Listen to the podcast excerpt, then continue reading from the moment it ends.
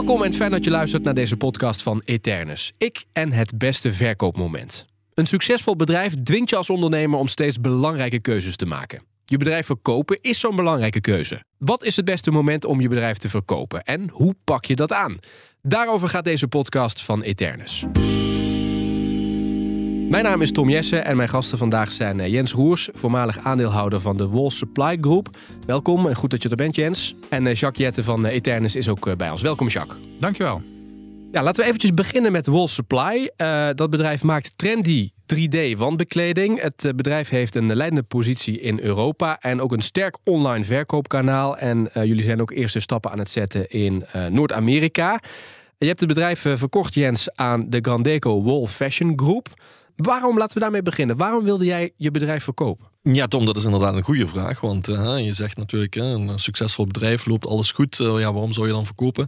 Ehm, bij mij was dat ehm, twee redenen. Eén, leeftijd.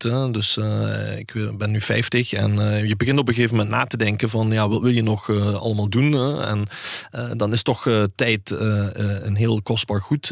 en die tijd, die wil je gewoon dan toch hebben. En dat betekent gewoon die verantwoordelijkheid niet meer hebben voor een bedrijf.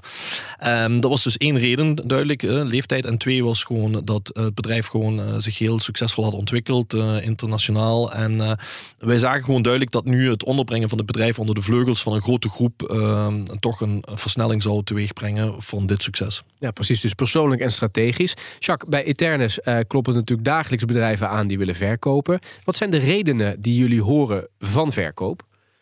Ja, die zijn inderdaad ook persoonlijk en strategisch, allebei. En persoonlijk is vaak uh, leeftijd. Uh, we hebben nog steeds een behoorlijke naoorlogse generatie die het bedrijf wil verkopen. Maar ook jonge ondernemers die al vaak lang in de zaak zitten bij, bij de ouders bijvoorbeeld. Die dan een keer zeggen van ik wil een keer wat anders. Ik heb het vanaf 25 jaar gedaan en ik wil nu eens wat, wat, nieuws. dat is natuurlijk belangrijk. Anderzijds is het zakelijke aspect is ook uh, ik, ik heb een bedrijf gebouwd. Het is optimaal. Het, het, het uh, moet naar een volgende fase toe. Ik, ik moet gaan internationaliseren. Ik, moet, ik kan verder groeien naar een volgende fase, maar ik moet flink investeren. nieuwe organisatie, grote organisatie bouwen. Op dat moment is vaak het beter om het iemand anders te laten doen. Dat is dan ook de visie van de ondernemer. En op dat moment is het ook een goed verkoopmoment. Ja, jullie doen ook best veel moeite om echt te achterhalen... wat is nou die reden van verkoop? Hoe krijg je dat nou boven water? Ja, dat is toch uh, ervaring. En heel veel met ondernemers gepraat hebben. Uh, de juiste vragen stellen. Kijk, die ondernemer die, uh, die is vaak niet altijd bereid op het achterste van de tong te laten zien. Terwijl voor ons wel van belang is wat hij nu precies wil. En, en waarom dat hij wil verkopen. En hoeveel haast hij ermee heeft. Of dat hij ook even kan wachten en misschien nog iets aan het bedrijf kan doen om het bedrijf verder te optimaliseren. Um, maar ook de, de, het scheiden van persoonlijke belangen en het zakelijke aspect. Dat is, dat is ook iets wat je ja, in, in de loop van de tijd met ervaring wel, ja. uh, wel leert. En waarom wil je dat weten? Wat wil je met die informatie doen? Nou, omdat je um, wil achterhalen, A, het tempo waarin er verkocht moet worden. Hè, dus wij gaan het bedrijf dan op een gegeven moment toch onderzoeken. En dan, en dan ondervinden we um, misschien de situatie dat je beter even een paar jaar kunt wachten en verder kunt bouwen. Uh, bijvoorbeeld is een innovatie gebeurd of uh, een bedrijf gekocht dat nog niet uh, goed geïntegreerd is. En dan op dat moment wil je natuurlijk wel liever nog een paar jaar daaraan werken om, om, dan vervolgens een betere propositie hebben naar, naar de markt. Hm. ja, en, dat, is, dat is de reden dat je wil weten. En ook de persoonlijke motief, wat natuurlijk belangrijk is. Kijk, er zijn altijd situaties waarin het persoonlijk zo belangrijk wordt dat je het beter direct kunt verkopen. Maar ook in het persoonlijke vlak zijn er, is het goed om te achterhalen of iemand echt het bedrijf helemaal wil verkopen. Of dat hij denkt, nou ja, ik kan het ook misschien ten dele verkopen aan private equity bijvoorbeeld. En nog een aantal jaren doorbouwen en dan helemaal te verkopen. Ja.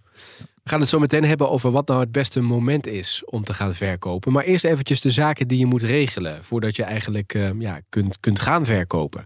wat heb jij geregeld, Jens, voordat je die um, stap richting Eternus maakte?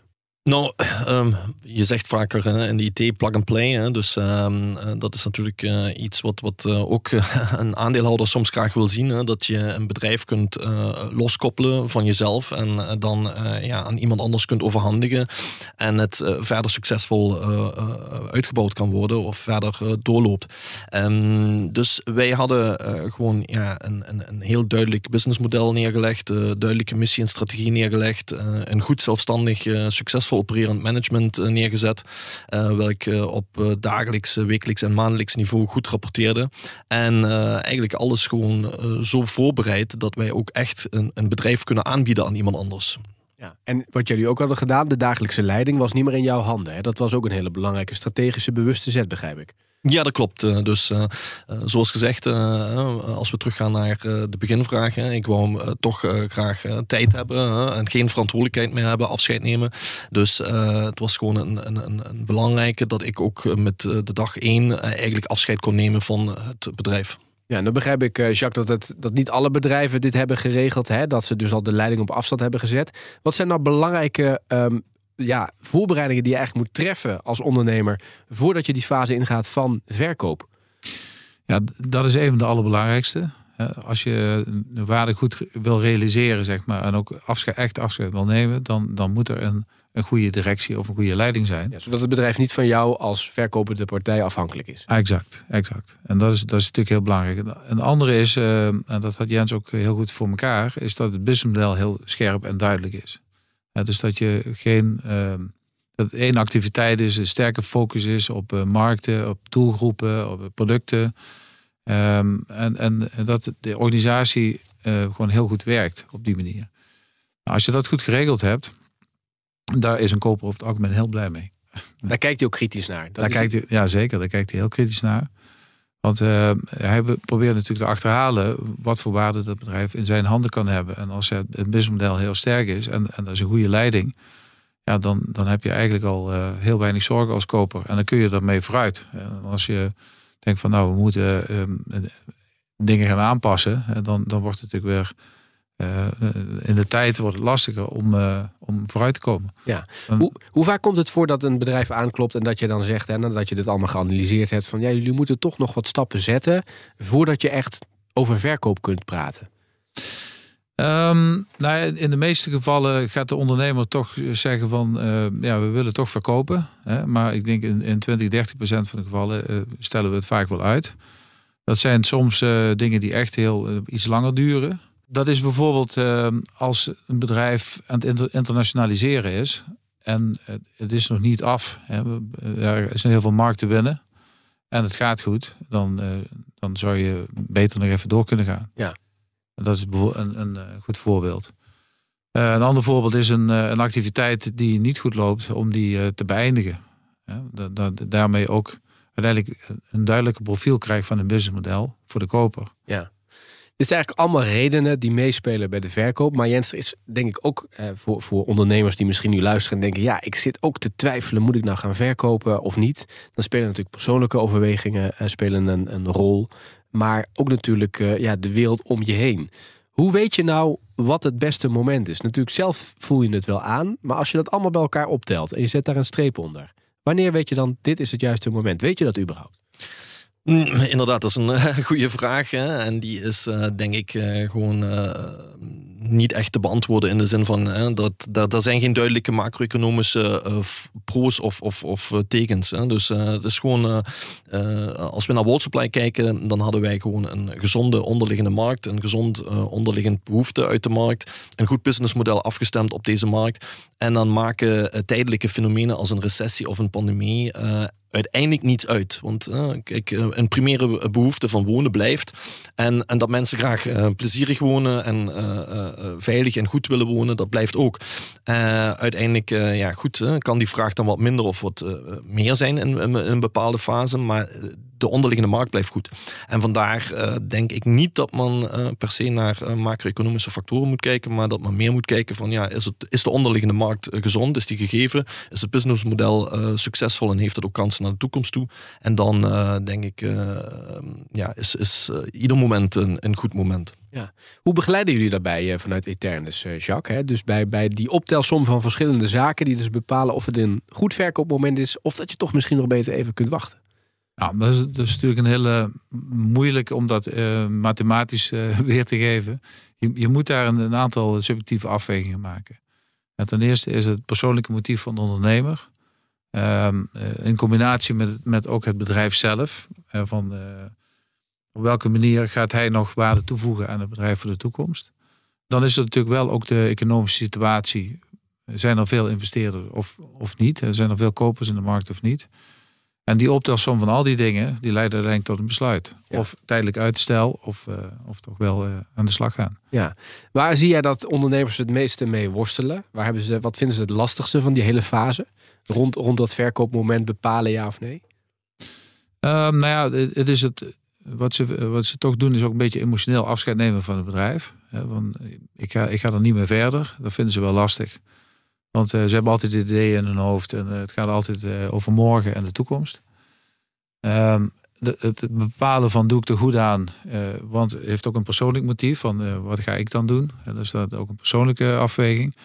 Maar ook het belangrijke is natuurlijk ben ik nu optimaal bezig als ondernemer. Ondernemer wil toch altijd het beste eruit halen wat hij wat kan. En ook zo'n zo'n verkoopmoment en de prijs is natuurlijk ook wel sport om daar het juiste, juiste bedrag uit uh, op tafel te krijgen.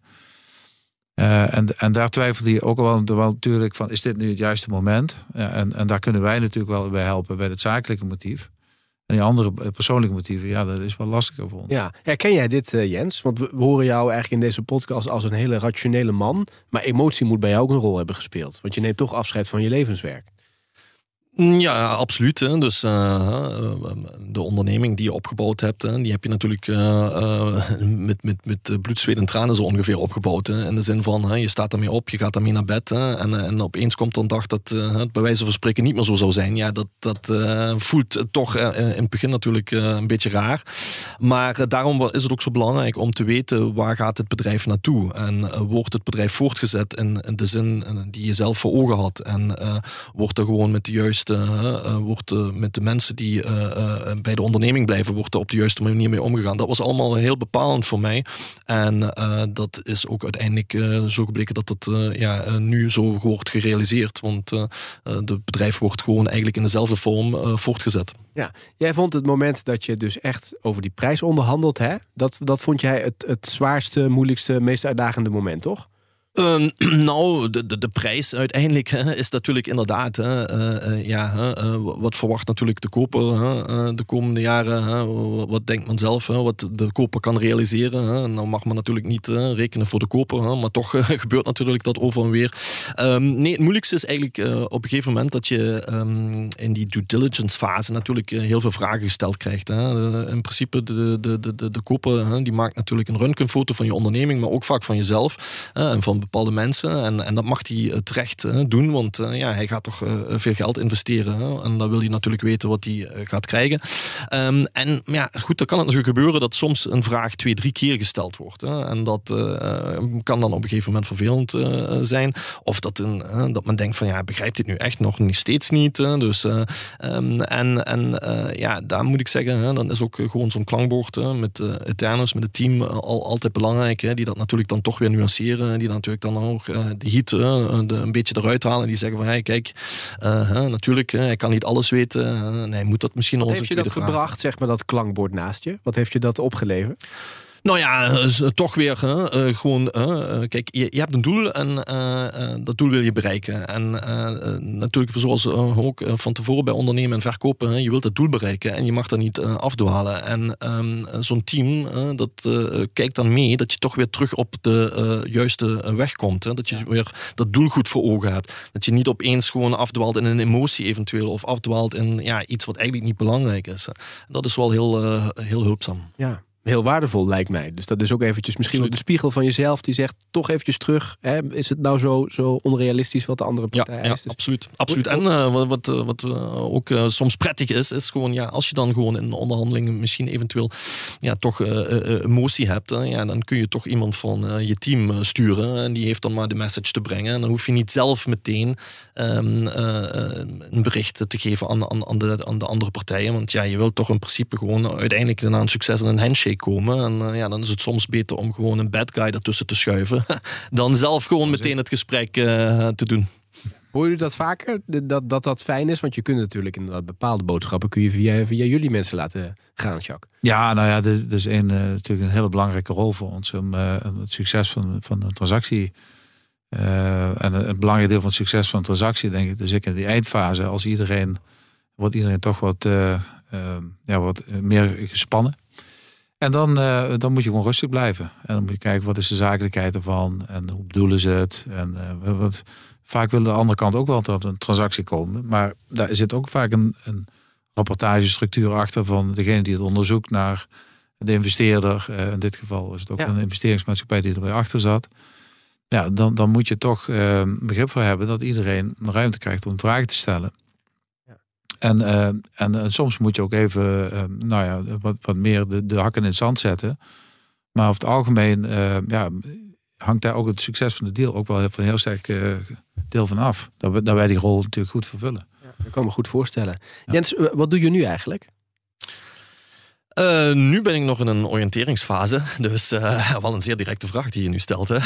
Ja, ik ben natuurlijk benieuwd. Het is natuurlijk een, een, hele intensieve fase die je achter de rug hebt. En uh, ja, nu, ik ben wel benieuwd wat je dan, hoe je je dagelijkse ja, leven nu invult. Mm, nou, het is natuurlijk zo inderdaad. Je hebt ondernemersbloed en dan blijf je ondernemen. Dus en ehm, ik heb nu eerst voor mezelf die tijd genomen hè, die, waar ik naar op zoek was.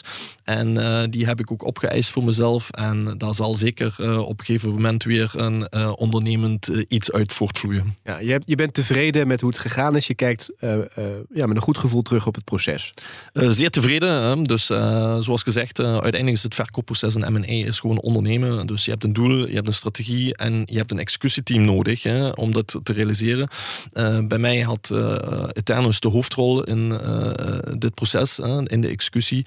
En ja, wat zoek je natuurlijk? Je zoekt ervaring en competentie. Nou, dat kan ik absoluut maar beamen. Dat was top. Uh, je zoekt gedrevenheid. Hè. Nou, ik moet zeggen, bij hun was het 24-7. Dus uh, ongelooflijk, uh, de beschikbaarheid. En Ons altijd bellen en mailen. Ja, en, en dat is natuurlijk in de laatste fases van zo'n deal. Hè, dus zeker gewoon misschien zelfs de dag daarvoor nog. zeer, zeer belangrijk hè, dat dat ook echt gegeven is. En de laatste natuurlijk echt die loyaliteit. Dat je gewoon weet dat, dat je in de juiste handen bent. Dat iemand ja, het beste voor, voor jou en, en, en voor de onderneming van plan is. Ja. Dagelijks worden bedrijven verkocht. Uh, dagelijks zijn ook ondernemers bezig met deze afwegingen die wij besproken hebben, Jacques. Zou je een advies hebben vanuit al jouw ervaring en kennis die je hebt voor die ondernemer, als die daarmee bezig is? Wat zou je die willen meegeven? Nou, allereerst denk ik, uh, kijk goed naar je bedrijf ook door de ogen van de koper. Uh, de, soms is het ook moeilijk om als ondernemer te kijken naar je bedrijf door de ogen van de koper. maar als je dat af en toe doet, dan, dan kun je ook dingen ontdekken die je misschien moet verbeteren. Uh, waar je over na moet denken. Want uh, als een bedrijf in de hand is van de ondernemer, dan uh, de ondernemer kan zoveel dingen goed doen en ook herstellen en, en andere wending geven. maar dat is vaak een persoonlijk kunnen. Hè? Is iets wat, wat, wat één, één persoon kan. En als je dat meer van je af weet te zetten, door dingen te automatiseren, door een directie er neer te zetten, het management meer bevoegdheid te geven, als er meer een machientje van te maken wat op zichzelf kan draaien, ja, dan, dan doe je een goede zaak voor jezelf. Dus dat is heel, dat is heel belangrijk. En het tweede is meer een persoonlijke afweging van um, kijk naar jezelf, waar je staat met het bedrijf en, wat, je zelf, wat je beste kwaliteiten zijn. Uh, en kun je die nog in de volgende fase van het bedrijf, in de volgende groeifase, kun je die kwaliteiten nog goed inzetten? Of worden er andere kwaliteiten gevraagd die misschien uh, uh, aanzetten tot verkoop? Omdat je zelf die, die fase niet meer goed kunt uh, volbrengen, maar iemand anders wel. Of onder de vleugels van een ander bedrijf uh, wellicht beter tot zijn recht komen. Ja. Ik dank jullie wel voor dit gesprek. Tot zover deze podcast van eh, Eternus. Ik en het beste verkoopmoment. Dank aan eh, mijn gasten Jens Roers, voormalig aandeelhouder van Wall Supply Groep... en Jacques Jette van Eternus. Als je meer wilt weten over dit onderwerp, kijk dan op de website eternuscompany.nl. Het linkje vind je ook in de beschrijving van deze podcast. En abonneer je op ons kanaal, zodat je geen enkele aflevering mist. Dank aan mijn gasten nogmaals, dank voor het luisteren... en heel graag tot de volgende keer.